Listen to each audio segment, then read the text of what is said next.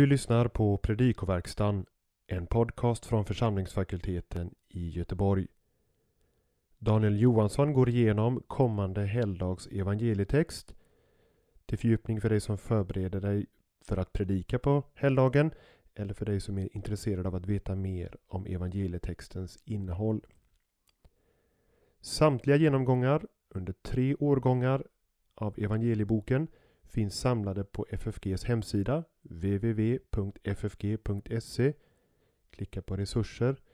Under resurser finns också en rad andra resurser, filmer, inspelningar, artiklar som är fria att ta del utav. Vill du stödja utgivningen av dessa och liknande resurser gå in på hemsidan och hitta ditt sätt att ge en gåva till FFG. Men nu Daniel Johansson, god lyssning. Första årgångens evangelium för den helige Mikaels dag utgörs av Lukas 10, 17-20.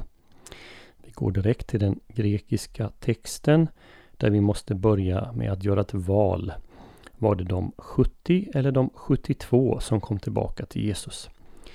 Bibel 2000 översätter 72, Folkbibeln 70. Båda talen finns i handskrifterna. Sinaiticus Alexandrinus och majoritetstexten med flera utelämna Dio 2 medan P45 Vatikanus, Besai med flera har med den.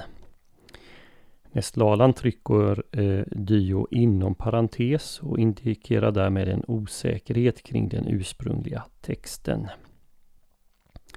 Men eftersom talet 70 uppträder i olika sammanhang Mose hade 70 äldste, Andra Mosebok 24.1. Stora rådet bestod av 70 medlemmar förutom översteprästen. Och eftersom talet 72 är mindre vanligt är det nog lättare att tänka sig att eh, Dio har fallit ifrån än att det har lagts till. 72 skulle därmed varit den ursprungliga läsarten. Vad gäller 72 kan man notera att enligt Septuaginta till första Mosebok 10 eh, existerade 72 nationer i världen. Enligt den hebreiska texten är det 70.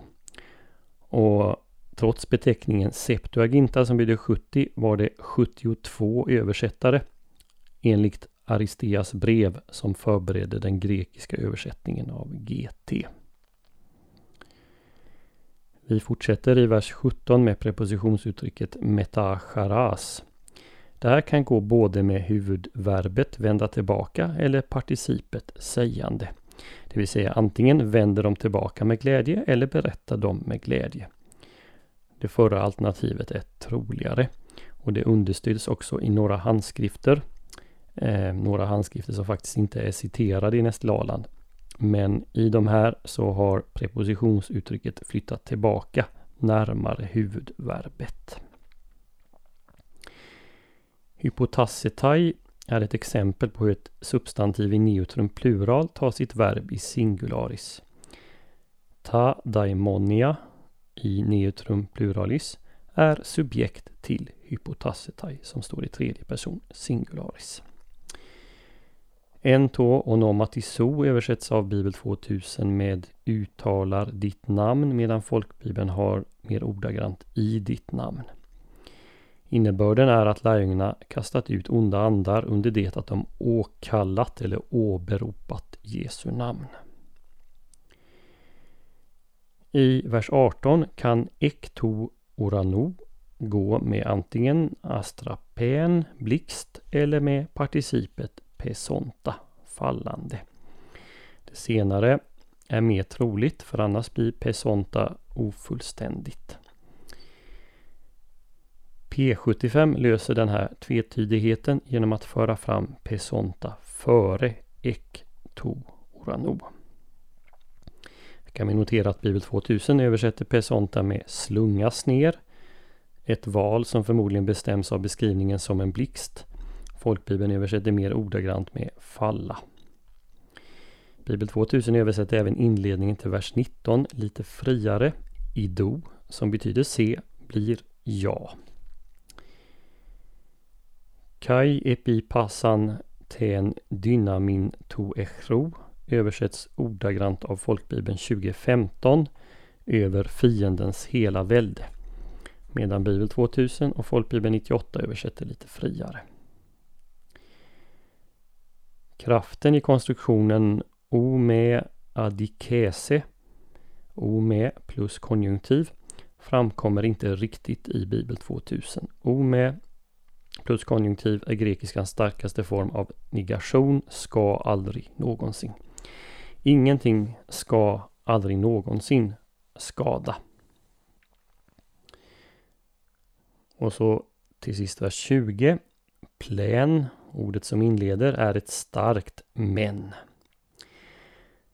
I det här fallet, den här konstruktionen, så handlar det förmodligen om vad som ibland kallas för en dialektisk negation och som förekommer flitigt i Gamla Testamentet. Vi har exempel på den i Lukas 23.28 och Matteus 10.20 för att nämna två från Nya Testamentet.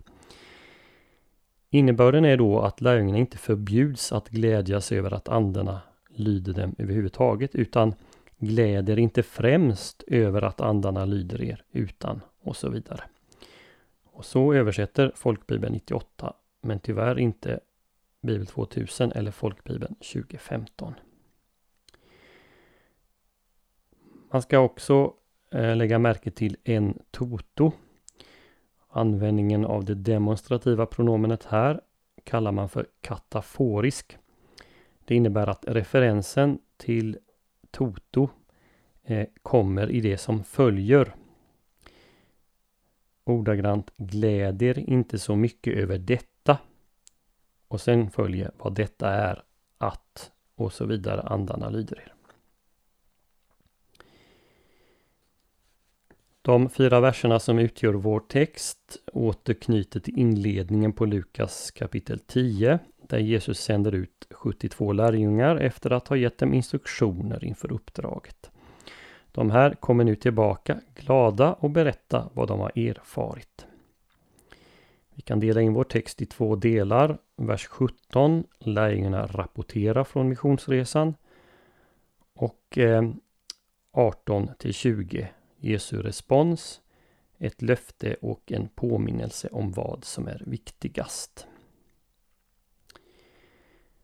Lukas ger oss inga detaljer kring hur länge de 36 paren varit verksamma innan de återvände till Jesus. Han konstaterar bara att de kommer tillbaka glada och rapporterar att till och med de onda andarna lytt dem.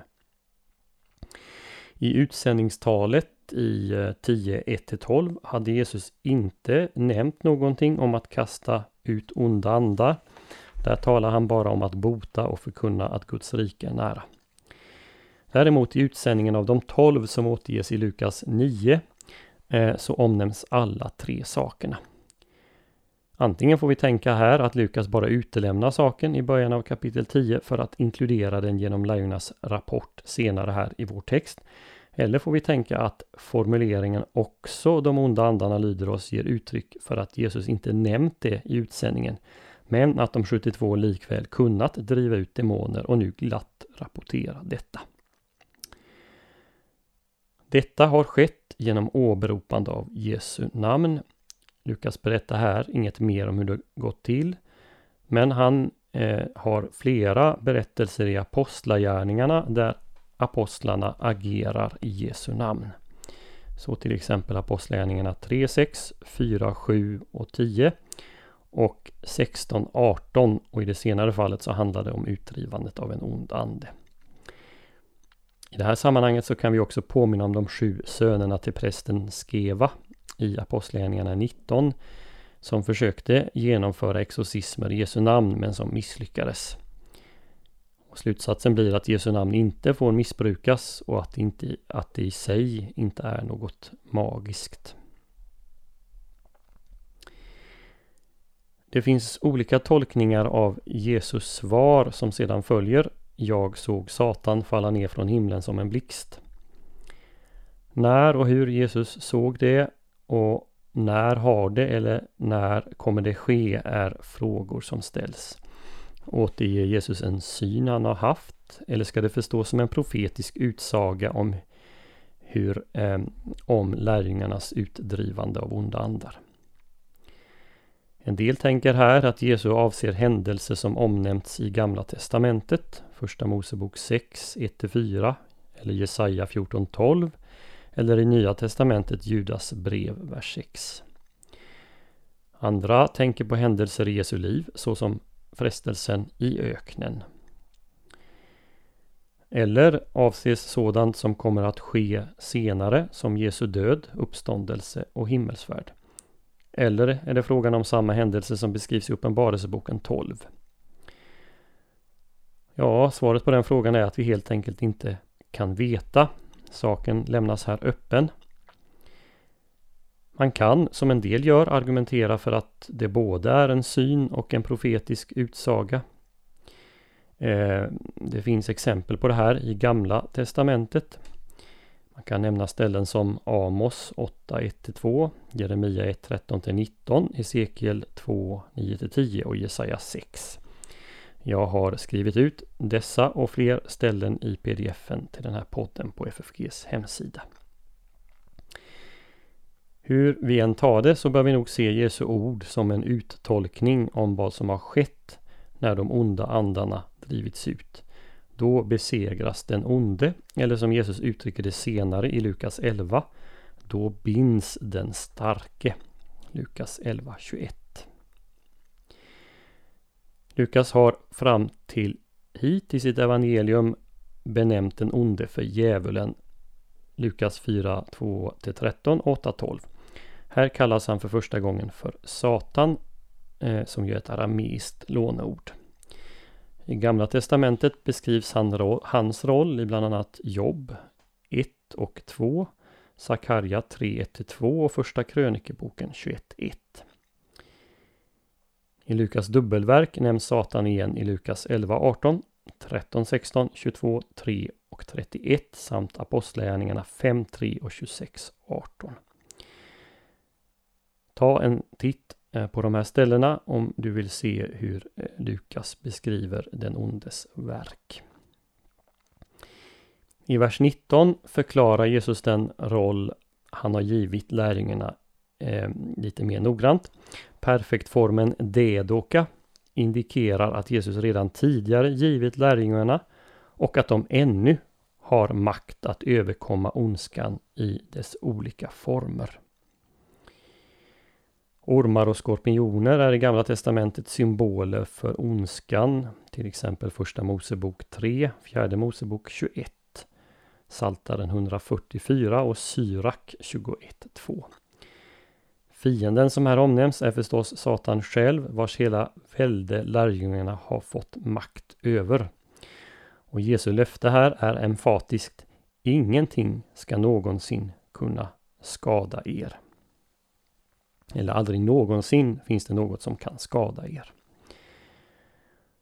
Trots att det är så här så ska lärjungarna ändå främst glädja sig över att deras namn är skrivna i himlen. Jesus anspelar här på den bok Gud skriver i eh, och som omnämns i Gamla Testamentet, Andra Mosebok 32, 32-33, Saltaren 69, Jesaja 4.3, Daniel 12.1 med fler ställen. Eh, den omnämns också och återspeglas i Nya Testamentet på ställen som Filipperbrevet 4.3, Hebreerbrevet 12.23, Uppenbarelseboken 3.5 och 13.8. Och den omnämns även i annan judisk litteratur som i jubileeboken 30 och första Henoksboken 47. I grekiskan, eh, i den eh, profana grekiskan, används verbet ekgrafo när man inför någon i något allmänt register eller ett skatteregister. Lärjungarna ska alltså glädja sig åt att deras namn ska skrivna i himlen i Guds folkbokföringsregister. Medan Satan är nedkastad från himlen är lärjungarnas namn skrivna där. Tack för att du lyssnat. Du stödjer FFGs utgivning av den här podden genom en swishgåva till nummer 123 100 8457. Du som arbetar i församlingstjänst vill vi uppmuntra till att föreslå kollekt eller anslag till församlingsfakulteten. Tack på förhand!